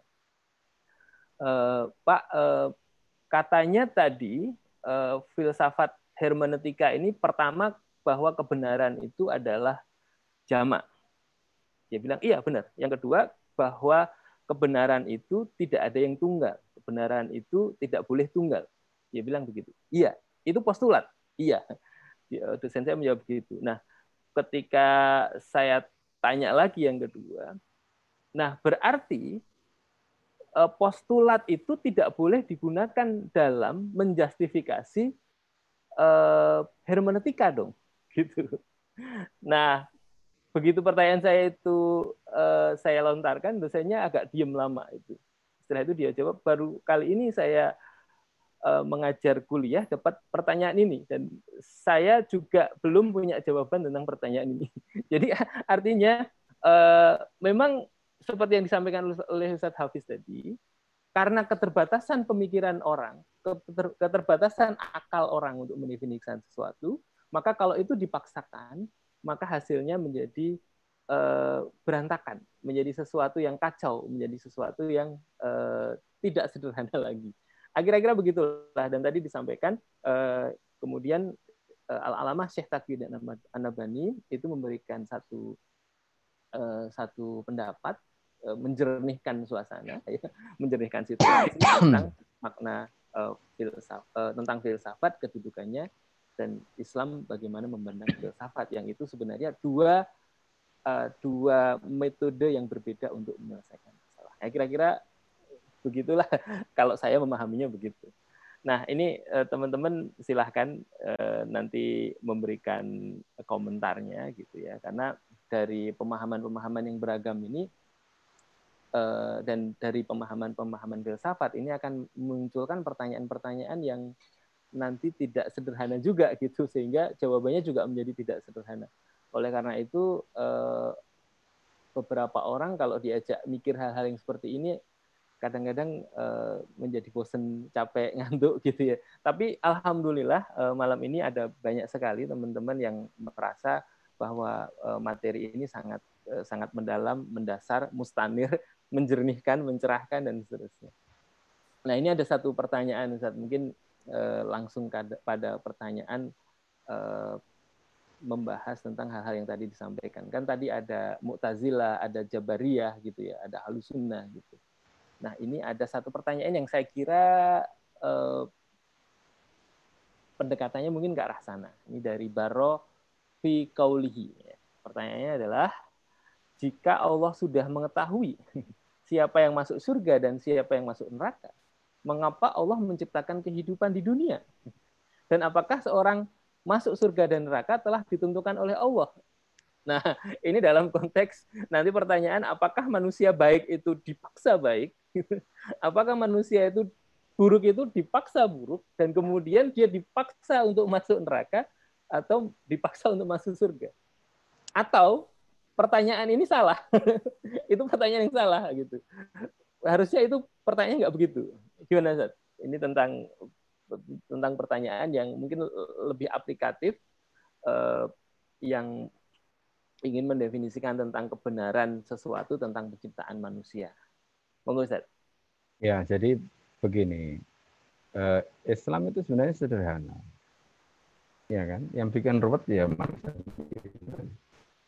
Bagaimana tidak? Wong Islam itu turun di negara, eh, maaf di negeri di wilayah yang tadi saya katakan wilayah eh, pedalaman gitu, di mana pada waktu itu ya boleh dikatakan mereka itu ya baca tulis itu tidak semuanya bisa baca bisa menulis. Maka Islam itu sebenarnya mengajarkan cara berpikir yang simple yang bisa ditangkap oleh semua orang dengan berbagai lapisan kapasitas intelektual gitu. Jadi itu sebenarnya poinnya. Nah, dalam konteks ketika bicara tentang sebenarnya kan tadi kalau kita boleh jeranakan itu hmm. ada tiga pertanyaan dari mana untuk apa mau ke mana kan gitu hidup hmm. itu itu dari mana itu bahwa manusia itu makhluk sudah pasti hmm. itu itu nggak perlu bertanya kenapa kita jadi makhluk atau dan seterusnya karena udah pasti uang faktanya kita itu makhluk ya kan jadi itu pertanyaan dari mana lalu ketika kita sudah jadi makhluk pertanyaan berikutnya itu kita ini diciptakan untuk apa? Lima ada untuk apa? Nah, Allah memberikan jawaban. Wa ma jinna wal insa illa liya'budun. Bahwa kami atau saya tidak menciptakan jin dan manusia itu kecuali beribadah. Ya kan? Nah, eh, kemudian pertanyaan berikutnya setelah dari mana untuk apa dan mau ke mana itu, setelah itu eh, jadi kita jadi untuk apa tadi lihat budun itu kemudian mau ke mana setelah ini? Baik. Lalu kemudian apa hubungan dari ketiga hal itu? Hubungan antara sebelum, sekarang, dan akan datang. Itu kan ada tiga titik. Ya. Hmm. Yang pertama itu adalah dari mana, berarti dari kita tidak ada menjadi ada, itu berarti ada kholik yang menciptakan kita. Kemudian setelah kita ada, kholik itu minta kita ngapain gitu. Ya kan? Kholik itu minta kita ngapain. Maka Allah sendiri juga mengatakan selain beribadah, Allah itu mengatakan, ya, misalnya ayah sabul insanu ayat ruka sudah. Apakah manusia itu dibiarkan? Mengira dibiarkan begitu saja, enggak di misalnya dia enggak disuruh apa-apa pokoknya hidup hidup aja lah kayak hewan itu kan tidak gitu maka Allah mengatakan tadi wa ma khalaqtul jinna wal insa illa liya'budun gitu nah pertanyaannya kemudian ketika itu ada sesuatu yang dia lakukan ya ibadah tadi. Eh, pertanyaan berikutnya itu hubungan antara dia dengan kholik tadi apa? Dia sebagai makhluk. Ya wajar dong kalau kemudian dia sebagai makhluk dia menyembah al kholik. Nah, terus tadi pertanyaan berikutnya, ya kan? Eh, apakah kita menyembah tadi itu itu adalah karena pilihan kita atau misalnya yang lain lah gitu ya. Kenapa ada orang kafir, kenapa ada orang mukmin? Nah, manusia itu makhluk yang hebat. Manusia itu adalah makhluk yang diberikan akal oleh Allah. Ketika manusia itu makhluk yang diberikan akal oleh Allah, maka manusia itu diberi pilihan. Maka Allah mengatakan. Kami berikan kepada manusia. Ya, Nah, ada kalanya kemudian mereka itu bersyukur, maksudnya menjadi mukmin dan ada kalanya menjadi kafir. Jadi kafir gitu. Nah, kemudian ketika manusia itu menentukan pilihannya menjadi kafir itu pilihan dia, itu juga pilihan dia. Allah itu tidak sampai di situ, maka Allah kemudian mengutus Rasul supaya apa?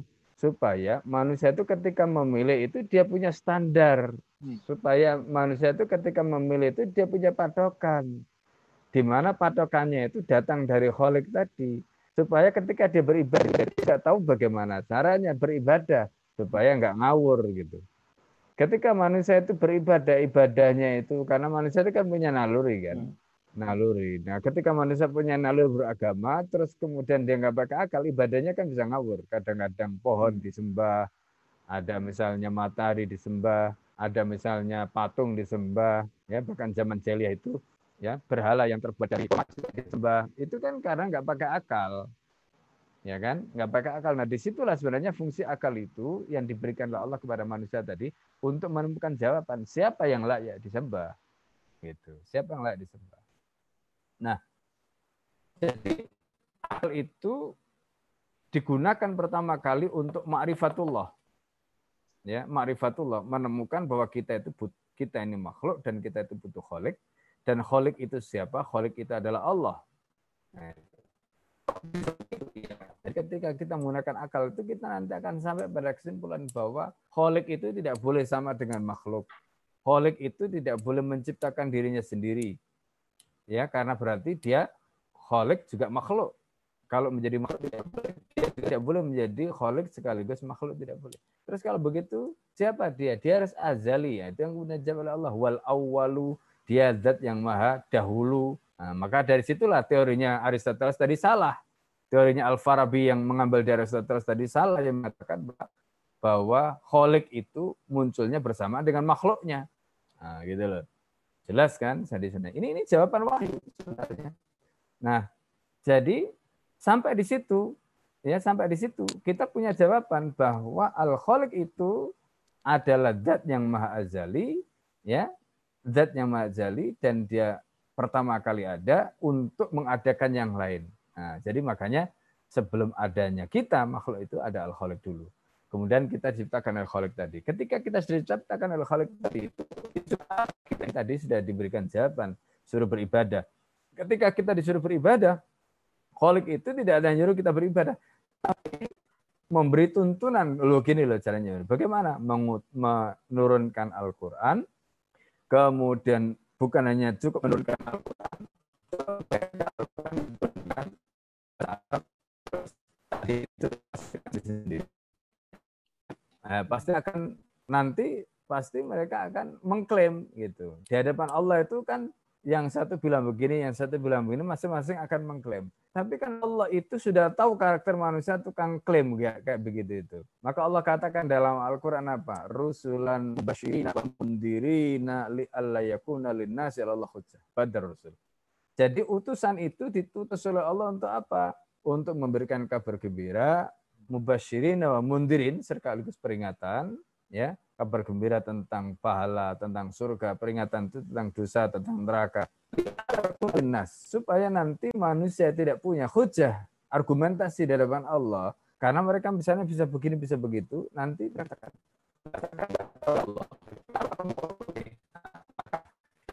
Rasul itu untuk apa menjelaskan dan Rasul itu tugasnya SK-nya itu sudah jelas di dalam Al-Quran. Apa kata Allah? Ya, Allah mengatakan litu bayina linas tugasmu itu Muhammad untuk menjelaskan kepada manusia manuzila ilaihim Al-Quran yang diturunkan kepada mereka. Jadi Al-Quran diturunkan dulu, Rasul diutus untuk menjelaskan. Jadi setelah Rasul diutus untuk menjelaskan, nggak boleh ada mengatakan, oh nggak boleh ada tafsir tunggal, oh nggak boleh ada ini itu. Itu orang yang mengatakan begitu, itu itu. Lah kalau begitu nanti maka semua orang bisa mengklaim. Ketika semua orang bisa mengklaim, lah terus apa gunanya Rasul tadi diutus oleh Allah? Nah, padahal Rasul itu diutus oleh Allah supaya itu manusia nanti tidak ada argumen lagi. Maka Rasulullah itu punya tanggung jawab. Falanas al walanas al mursalin. Jadi yang ditanya nanti dua. Rasul itu juga ditanya, apakah sudah menjelaskan apa menjadi tugasnya? Kita juga ditanya oleh Allah Subhanahu taala yang kepada kita ini Rasul itu diutus gitu loh. Dua-duanya nanti ditanya sama Allah. Nah, jadi Rasul itu membawa syariat, syariat itu menjadi patokan, tetapi patokan tadi itu supaya dimengerti, maka diedukasikan. Siapa mengedukasikan? Rasul. Nah, gitu loh. Jadi jangan dipikir Allah cuma menurunkan syariat, nggak ada Rasulnya. Ya nanti akhirnya tadi nafsiri sendiri-sendiri, kan nggak ada Rasulnya. Nah, gitu. Maka Allah nggak pengen nanti begitu. Jangankan begitu, Mas, ya. Hmm. Manusia itu, ini contoh yang lain ya, contoh yang lain. Allah itu kan maha tahu ya. Allah itu kan maha tahu. Tahu kita itu sebelum sekarang dan yang kadang itu kan Allah maha tahu. Pertanyaan begini, kenapa Allah itu kok nyuruh malaikat suruh nyatet amal kita? Allah itu udah tahu kok. Apa jawabannya kira-kira? Jadi manusia itu ketika dia dilahirkan di dunia ini kan tadi disuruh ibadah untuk ibadah itu diturunkan sebagai apa? Syariat sebagai patokan. Baik. Nah, syariat ini itu berfungsi untuk apa? Untuk menjadi patokan benar dan salah tadi.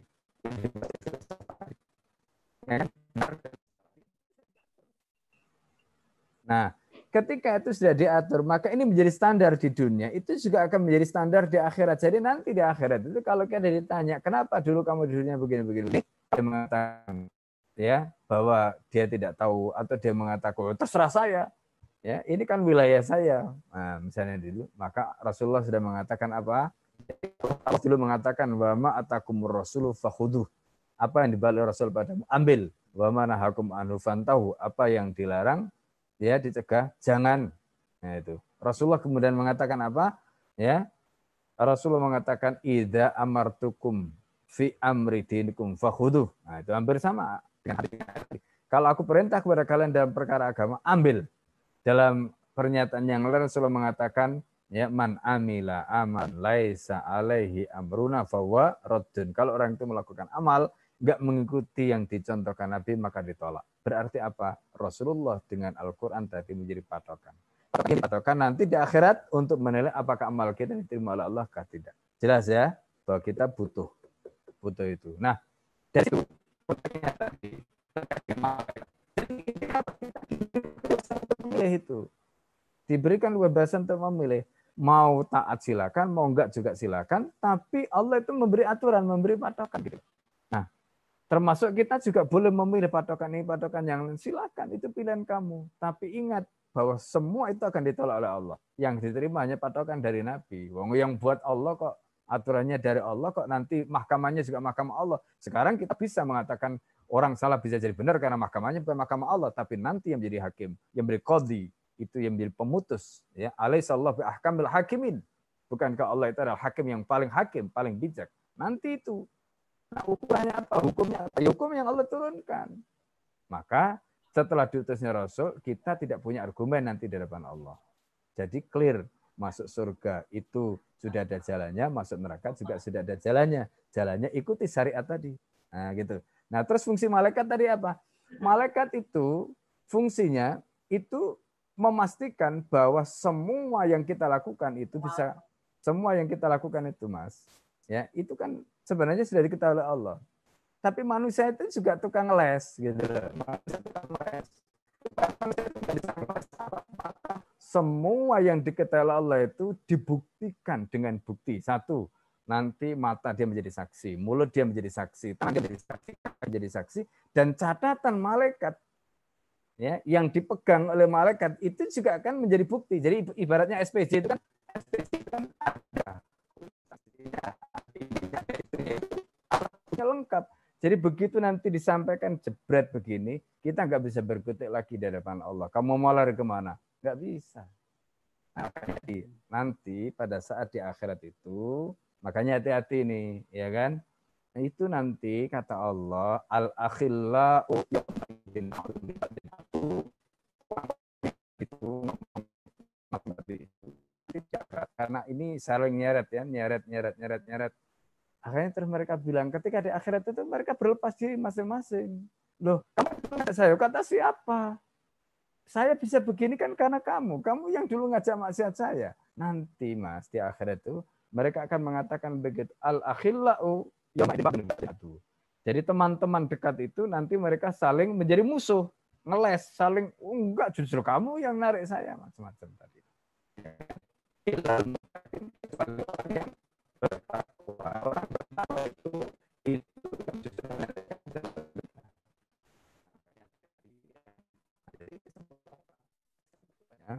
semua itu sudah ada aturan. Aturannya clear. Masuk surga silakan, masuk neraka juga silakan. Itu sudah ada jalannya masing-masing. Jadi jangan paksaan, ya. Nah, ini. Oke. Iya. uh, clear ya jawabannya ya. Jadi sebenarnya tentang kehidupan ini dibahas oleh Islam secara sederhana.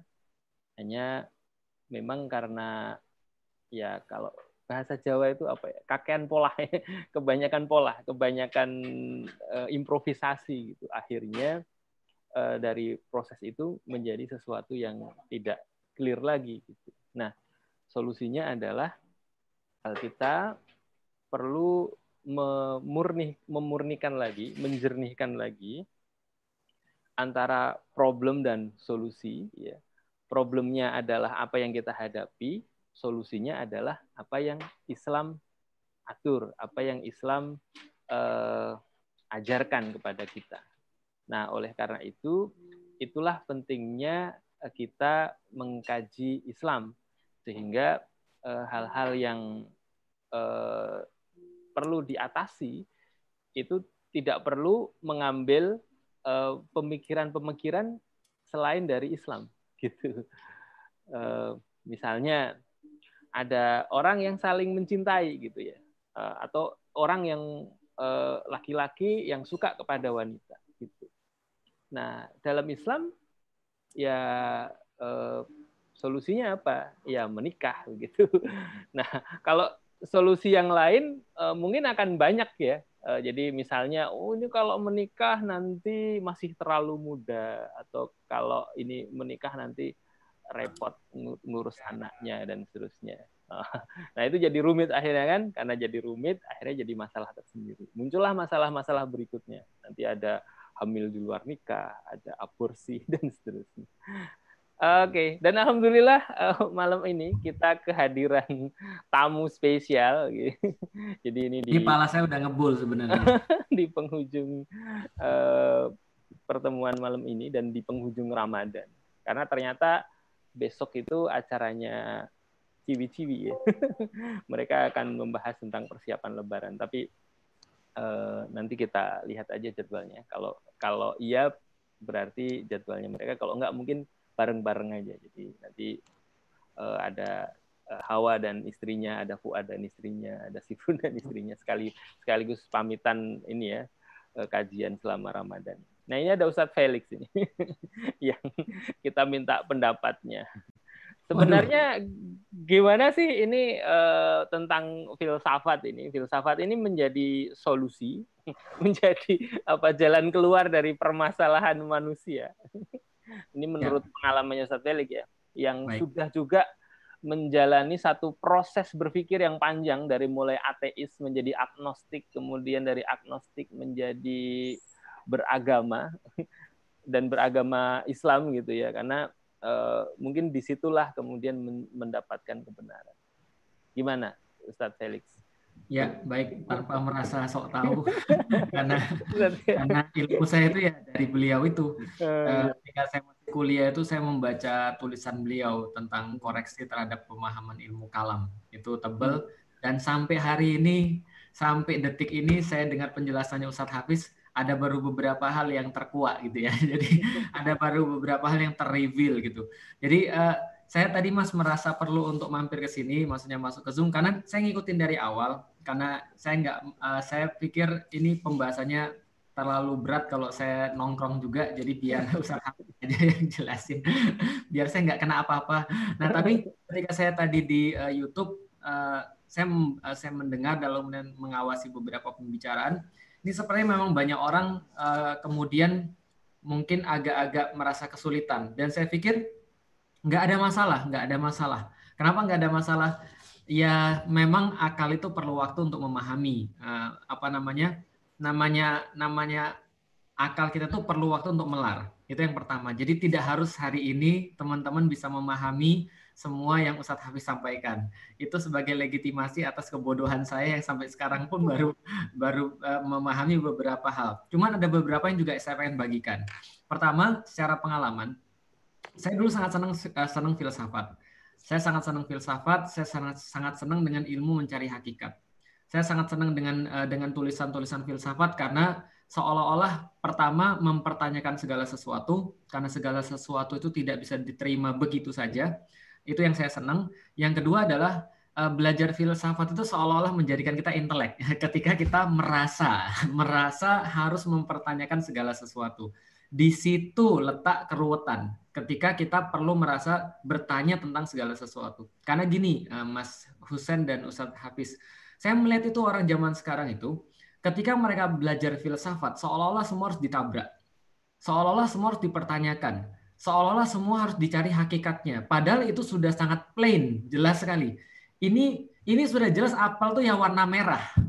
Eh, jelas-jelas contoh misalnya apel warna merah terus kemudian dipertanyakan kenapa nggak warnanya yang lain aja? Kenapa kita bersepakat tentang sesuatu yang warnanya merah? Apakah ada sesuatu di antara M E R A dan H dan segala macamnya? Lalu mereka bahas lagi tentang misalnya eh, kayak tadi misalnya manusia ini kan adalah adalah ciptaan Allah misalnya lalu kemudian apakah benar manusia ini adalah benar-benar cuma ciptaan Allah atau ada sesuatu hakikat yang lain dan seterusnya ya ini adalah ruwet itu yang kedua tadi pertama karena memang saya senang mencari hakikat, yang kedua kayaknya keren gitu kan ya karena kita tidak mau menerima semua hal secara secara begitu saja. Kita harus mempertanyakan satu hal.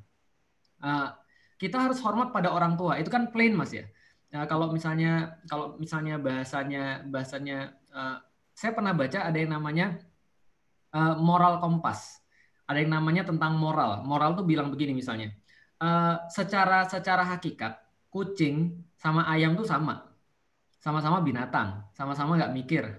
Tapi kalau seandainya ada ayam ketabrak katanya ini yang ini yang bahas orang kafir. Ada ayam ketabrak, kamu mau nggak makan? Mau. Kenapa? Karena dia ayam. Tapi kalau kucing peliharaanmu yang sudah 20 tahun, eh nggak ding, nggak 20 tahun, 5 tahun kamu pelihara, ketabrak misalnya, kucing itu ketabrak, mau nggak kamu makan? Nggak akan mau. Kenapa? Bahkan yang punya nangis, yang punya kemudian uh, ya yang punya berkabung lah. Kenapa? Karena ada moral kompas di antara manusia itu sudah plain. Menghormati orang tua, kemudian sayang pada orang tua itu tidak perlu untuk ada agama orang juga sudah melakukan seperti itu sebenarnya. Nah, tapi dia perlu mempertanyakan lagi, kenapa eh, apa nilai di balik kita harus taat pada orang tua? Emang harus begitu dipertanyakan lagi, dibantah dan segala macamnya lagi. Oke, yang intinya adalah uh, saya perlu untuk menasihati diri saya secara pribadi itu yang saya rasa ya siapa tahu kalau ada yang merasa yang sama ya juga nggak semuanya harus ditabrak dan nggak semuanya harus dipertanyakan yang yang menjadi kebaikan bagi saya ketika saya belajar kayak gitu adalah satu-satunya saya mempertanyakan keabsahan agama saya saya mempertanyakan uh, apa namanya sesuatu yang status quo yaitu bahwa seorang seorang Chinese itu nggak pantas Muslim seperti orang-orang ngomong kalau Chinese-nya agamanya ya selain Islam. Kalau Islam tuh kayaknya nggak pantas. Saya mempertanyakan. Nah, lalu kemudian eh, pada satu titik akhirnya saya masuk Islam dan saya melihat, oh ternyata memang betul. Islam punya segala macam yang menurut orang adalah mungkin berpikir filsafat, tapi bukan. Islam jauh daripada itu. Nah, maka Islam punya pengganti daripada semuanya dan Islam mengganti jauh, jauh dengan yang lebih baik. Contoh lagi, Tadi pertanyaannya kalau seandainya Allah itu tahu manusia mau berbuat apa, lantas kenapa masih diciptakan surga dan neraka? Toh kalau sudah tahu ya sudahlah masukin aja. Masalahnya bukan begitu. Masalahnya adalah terkadang, terkadang karena kelemahan akal manusia, Allah tuh menjelaskan sesuai dengan akal kita. Misal, ini kita bisa pahami kayak begini. Secara tawakal, kita sudah bahas kemarin, ada ada bahasan fas, ada bahasan bab tawakal, ada bahasan bab ikhtiar. Nah, secara bab tawakal, Rasulullah itu yakin dia pasti ditolong Allah. Pasti yakin dia ditolong Allah. Nggak mungkin Allah nggak nolong uh, hambanya, apalagi Rasulnya. Nggak mungkin. Tapi secara ikhtiar, dia tetap buat strategi perang. Dia tetap pakai baju zirah dua lapis. Dia tetap ngelatih para sahabat. Dia menempatkan panglima-panglima pada posisi yang tepat. Itu itu secara ikhtiar. Berarti kita mau bahas mana dulu nih? Kita mau bahas dalam dalam ranah keyakinan uh, bab tawakal atau kita mau bahas dalam ranah ikhtiar. Sama kayak Allah tadi. Kalau kita bahasnya dalam ranah tawakal, kita bahas dalam ranahnya uh, apa namanya? ranah pemikiran, maka tidak tidak pada tempatnya tadi Ustadz Hafiz menjelaskan dengan panjang lebar bahwa kita mempertanyakan kebisaan Allah atau kemampuan Allah. Karena ketika kita sudah sudah sampai pada satu titik dengan akal kita, kita mendapatkan satu titik bahwa manusia itu adalah makhluk dan Allah adalah khalik, maka dari situlah kita mendapatkan kalau kita nggak bisa comprehend sesuatu, maka itu salah akal kita. Karena akal kita cuma sampai sana. Seperti ada orang yang datang ke dokter, lalu kemudian dokter kasih resep, lalu dia minta penjelasan sama dokter. Dok, tolong jelasin saya dong dok, kenapa kamu kasih obat saya begini dan bagaimana cara kerjanya dalam tubuh saya. Bro, kalau misalnya dokter itu bisa jelasin ke kamu dan kamu bisa paham, kamu yang jadi dokter bukan dia. jadi sesederhana itu. Karena karena kita pasien, dia dokternya. Maka ketika ketika dia menjelaskan sesuatu kepada kita, maka itu karena kita nggak bisa comprehend kepada dia, maka dia malas jelasin. Pokoknya makan aja deh. Karena saya jadi kayak begini perlu tujuh tahun. Itu padahal cuma dokter dan pasien. Apalagi Allah dan hambanya. Maka Allah jelaskan, oke okay, kalau kamu berbicara tentang urusan ikhtiar, ini saya jelasin. Ini halal, ini haram ini wajib, ini mubah, ini sunnah, ini makruh, dan seterusnya. Berarti kalau kamu buat-buat ini nanti hasilnya begini. Tentang perkara kebisaan Allah, itu sudah perkara lain lagi yang kita nggak bahas dalam urusan ikhtiar. Nah menurut saya ini kejeniusan Syekh Taqiyuddin Anabahani ketika tidak terjebak di dalam urusan-urusan yang bersifat tadi mencampurkan antara urusan-urusan yang bersifat keyakinan, tawakal dengan urusan ikhtiar atau pilihan manusia. Nah, di saat yang lain justru memulai pembahasannya dengan itu, Syekh Taki membedakan dan Syekh Taki memisahkan di antara keduanya. Nah, itu yang saya dapat Mas, alhamdulillah. Jadi saya pikir bermanfaat sekali. Jadi kita harus bahas kita mau bahas apa dulu nih? Keyakinan kepada sifat-sifat keesaan Allah atau kita mau bahas tentang ikhtiar manusia dalam mendapatkan sesuatu supaya antum nggak bingung. Nanti kalau saya antum campurkan, antum nggak bakal berbuat apa pun dan hidup antum malah jadi nggak produktif. Padahal kita membahas sesuatu itu untuk menjadikan seperti kata Mas Husen, hidupnya jadi produktif gitu loh maksudnya. Yang kawin, eh, sorry, yang belum bisa kawin jadi bisa kawin, itu kan ya. Yang yang ditolak jadi tahu kenapa dia ditolak. Yang yang yang dari ujiannya dapat nilai D bisa jadi bisa dapat nilai ya C plus ya dan ya. Eh, kita harus produktif itu intinya. Ngapain kita bahas segala macam kalau nggak produktif? Nah sayangnya adalah orang-orang yang dulu ketika di kampus ingat nggak mas? Ketika kita di IPB mas. Ada orang-orang tuh ya ketika wah belajarnya sosialis. Apa tandanya belajar sosialis? Kalau dia sudah tidak bisa menjelaskan isi buku ini. Jadi jadi cuma pada kepuasan pemikiran tapi nggak produktif hidupnya. Kenapa? Hmm. Karena memahami pemikiran-pemikiran sosialis gitu. Anda sudah bisa paham kalau Anda menjadi tidak paham. Ini apa-apaan gitu kan ya. Jadi kita nggak bisa menjelaskan hidup kita sendiri. Kalau alam Jadi kira-kira gitu. Iya. Uh, terima kasih ya Ustaz Felix. Ini mudah-mudahan teman-teman jadi lebih paham ya. Uh, enggak lebih, lebih bingung ya. lebih bingung.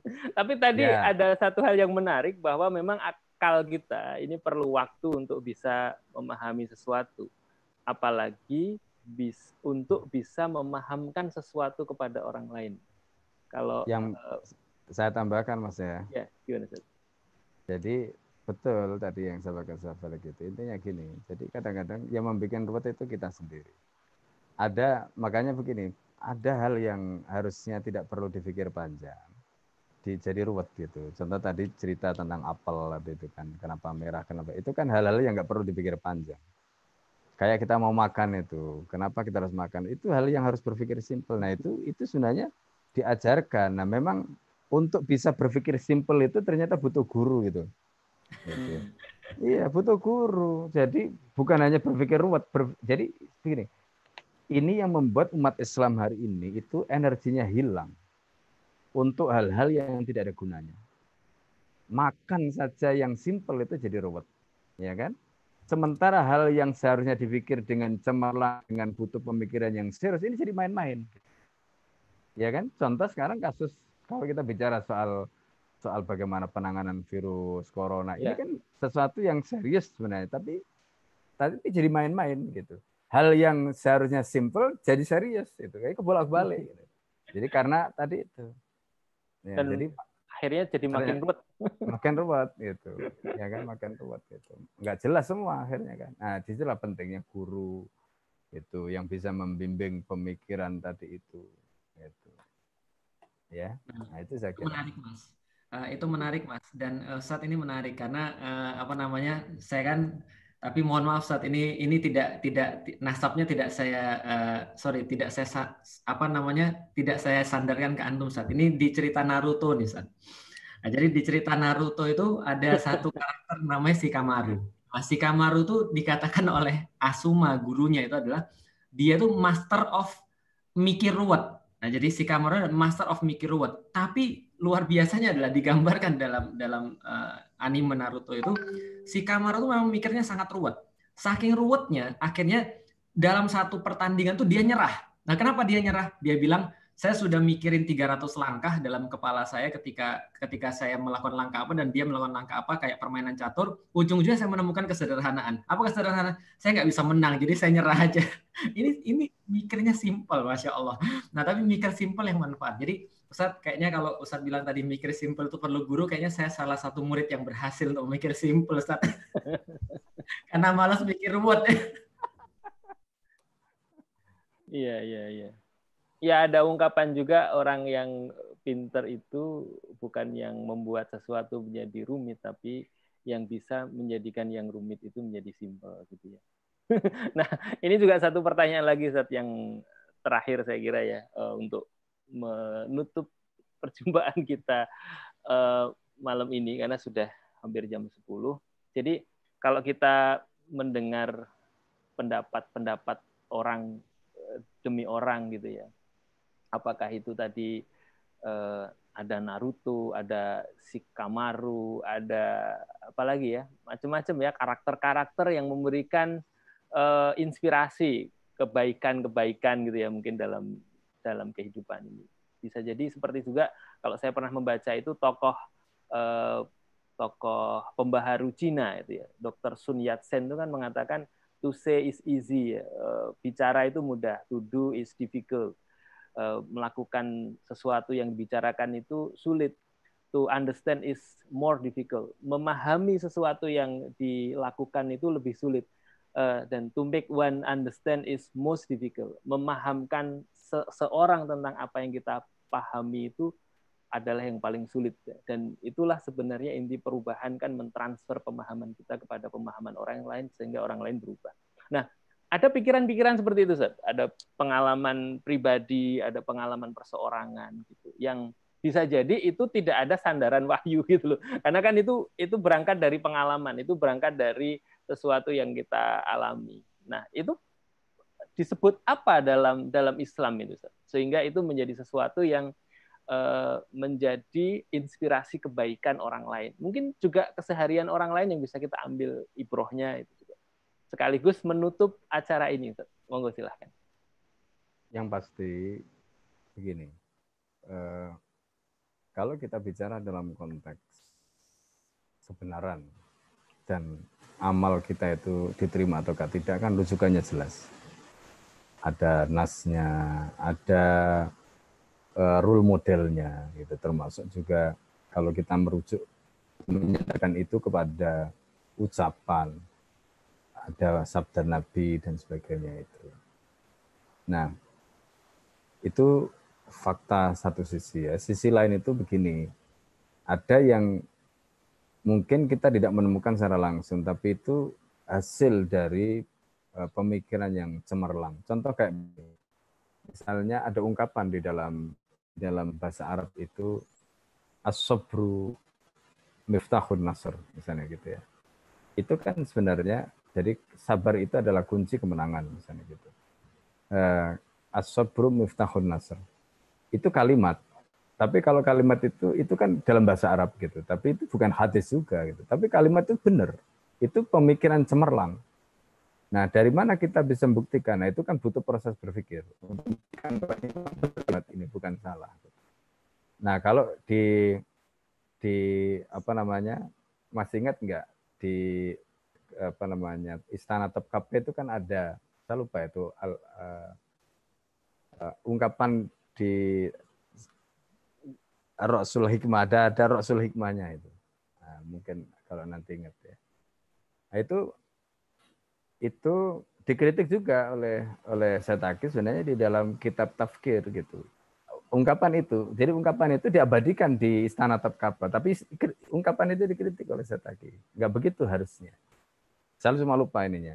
Nah, ini artinya ungkapan itu bisa diambil dari mana-mana, tetapi pertanyaan begini, apa yang bisa kita pakai dan apa yang tidak itu? Itu nanti akhirnya adalah pembuktian eh, apakah ini didasarkan Kemudian yang kedua, pembuktian dari fakta.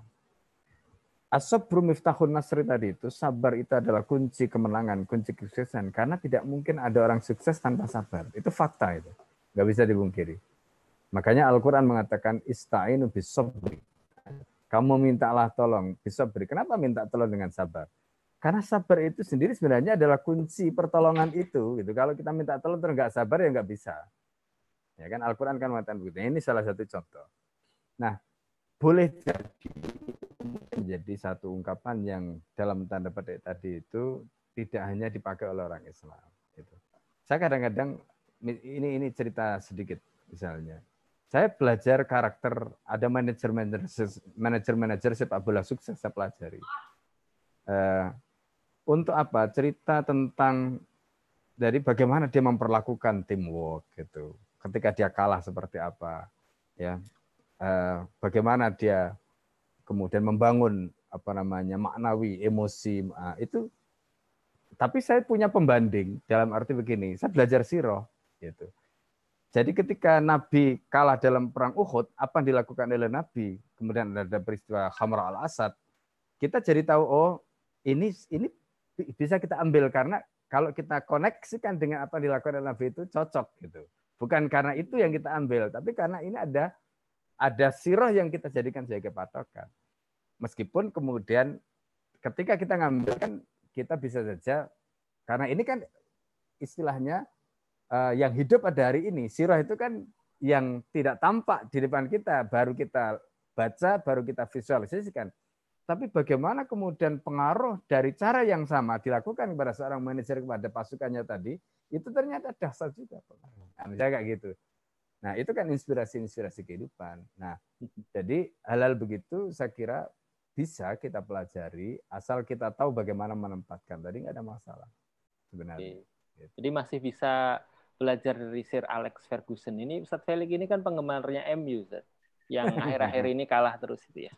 Kan nggak ada tanding lagi. Mas Cahyo aja sekarang agak karena dia menang terus. Baik, eh, teman-teman semuanya, sahabat Teo Ngaji. Jadi itu tadi sudah dijelaskan oleh Ustadz Hafiz. Dan ada satu hal sebenarnya yang menarik, satu pembahasan yang next ya. Insya Allah nanti setelah Lebaran kita akan bahas. Jadi memang kalau tadi ditanyakan misalnya filsafat ini kan uh, seperti ibunya ilmu, the mother of science gitu. Itu penjelasannya gimana? Atau uh, pandangan-pandangan seperti lu kan pengetahuan itu banyak. Ada misalnya kita uh, ingin memahami bagaimana cara membuat uh, alat elektronik, misalnya mempelajari ilmu-ilmu fisika, ilmu kimia, ilmu biologi gitu. Itu kan relatif kalau kita kembalikan kepada Al-Quran, As-Sunnah, itu kan detailnya nggak ada. Gitu. Dan ilmu-ilmu itu kan banyak juga yang dari Barat. Seperti hari ini kita pakai Zoom misalnya, kita pakai YouTube. Ini kan media eh, medium atau hasil teknologi orang Barat. Gitu. Ini bagaimana bisa nggak kita ambil dalam kehidupan sehari-hari gitu. Eh, nah, itu akan kita kaji insya Allah nanti dalam bab eh, hadoroh wal madaniyah sehingga kita bisa menempatkan diri kita pas dan simple tadi ya kata kuncinya agar hidup kita ini nggak nggak jadi makin ruwet karena Islam itu kan memang mengajarkan kita tentang uh, hidup yang uh, simple begitu. Jadi karena dia solusi atas segala problematika yang ada di sekitar kita. Baik, alhamdulillah uh, sudah jam 10 lewat 7. Insya Allah teman-teman juga akan melanjutkan aktivitas yang lain. Ini saya berikan waktu masing-masing eh, dua tiga menit untuk memberikan uh, closing statement. Silahkan Ustadz Felix dulu, silahkan. Ya, uh, mungkin saya buat bukan closing statement, biar Ustadz Hafiz saja yang lebih berkompeten. Hmm. Uh, itu menarik sekali Mas. Kemarin barusan saya dapat kenalan satu forum dengan uh, apa namanya Dr. Ahmad Rusdan, PhD hmm. di bidang stem cell dan beliau sangat soleh orangnya. Nah, jadi mungkin nanti pas pembahasan itu kita bisa undang. Uh, hmm. Ada yang menarik kata-kata beliau quotes-nya adalah bahwasanya ilmuwan-ilmuwan itu, baik itu ilmuwan apa saja, dia tidak lahir dalam ruang kosong. Dia lahir di medium tertentu. Jadi artinya maksudnya gini, satu tanaman tuh nggak lahir di uh, tidak lahir di digantung di udara tuh lahir nggak. Ah. Dia harus punya pot, dia harus punya media. Nah, media apa yang melahirkan orang-orang hebat dan bagaimana Islam memfasilitasi? Tanya Ustadz Hafiz. Nah, itu kan mudah kan itu simpel. Oke. Ya, monggo Ustaz. ya. Dokter Rusdan itu dia dokternya dua. Bahkan dia dia lulusan Harvard terbaik ya, lulusan terbaik dari Harvard. Memang cerdas orangnya dan sekarang beliau ahli biological molecular. Eh, kemudian beliau mengambil postdoc ya. Jadi sudah sudah nggak ada dokter lagi ngambil postdoc. Hebatnya. Masih muda dan luar biasa. Dan hebatnya lagi pemikirannya eh, apa namanya jernih ya mustanir cemerlang ya seperti Ustadz Felix Waduh, eh, satu aja sujud syukur saat. Tapi bagus. Saya saya saya terus terang begini ya. Uh, ini ini pelajaran penting juga dan saya saya ngikuti penjelasan dia ketika dia menjelaskan uh, tentang kan ada kan ahli biological molecular ya. Jadi ketika virus COVID-19 itu ada, dia bisa menjelaskan dengan dengan simple, dengan penjelasan yang logik itu untuk membantah orang yang mengatakan begini. Kita nggak usah takut apa namanya dengan virus kita takut sama Allah saja. Nah, itu beliau bisa menjelaskan dengan konsep yang sederhana tentang konsep kodok dan kodar terutama pada pembahasan kodar dalam pengertian apa namanya benda dan khasiat benda. Nah, itu luar biasa. Itu karena dia punya keilmuan jadi dia bisa menjelaskan detail. orang jadi ngeh gitu. Nah, saya kira ini orang-orang begini ini penting. Jadi basis keilmuan pemikirannya matang karena dia dokter sampai dua tadi. Terus tidak hanya itu, pemahaman Islamnya juga bagus ya. Sehingga ini kalau misalnya tadi Ustaz Felix mau menghadirkan ya, atau teman-teman yang ngaji mau ngundang lah di forum ini saya kira bagus sekali. Ya setidaknya eh, bagi teman-teman yang masih eh, baru mencari ya masih bingung tadi apalagi kalau bicara filsafat itu eh, sok pinter akhirnya nggak pinter-pinter malah botak duluan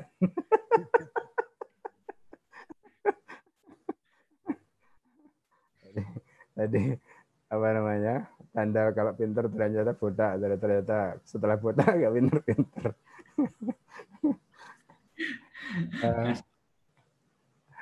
uh, baik itu saat uh, Mas Husen jadi Insya Allah uh, apa namanya intinya intinya bahwa kita harus berpikir ya di dalam berpikir itu uh, tadi itu seperti yang sampaikan tidak ada istilah ruang kosong ya jadi tidak ada ruang hampa, maka dalam berpikir itu butuh maklumat. Nah, maklumat itu tidak hanya cukup sekedar maklumat, jadi orang banyak punya maklumat, tetapi ternyata dalam berpikir itu dibutuhkan ada sesuatu yang paling fundamental itu kaidah berpikir. Orang punya banyak maklumat, tapi kalau nggak punya kaidah berpikir, ya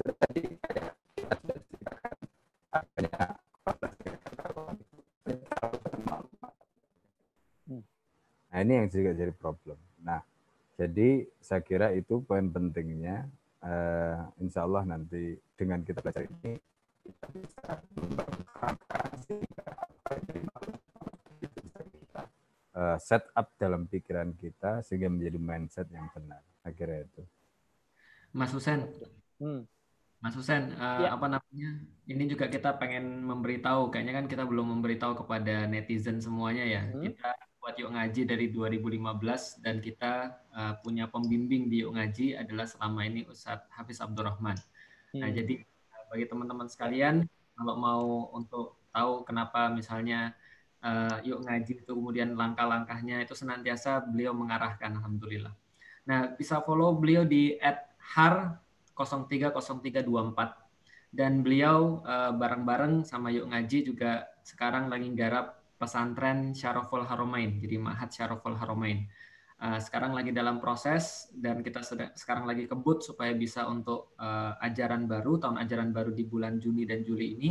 Bagi teman-teman yang berkesempatan, monggo silahkan mumpung masih Lailatul Qadar, kita lagi menanti-nanti Lailatul Qadar untuk uh, sama-sama menghadirkan uh, donasi terbaik kita. Di mana? Lihat aja di postingan saya gitu kan ya, tentang wakaf Lailatul Qadar gitu ya. Itu aja. Itu iklan dan promosi. ya, ya, ya. Ya, alhamdulillah rabbil alamin. Uh, ini ada yang komen baru lihat Ustadz Hafiz tertawa. itu tandanya Anda sudah mengerti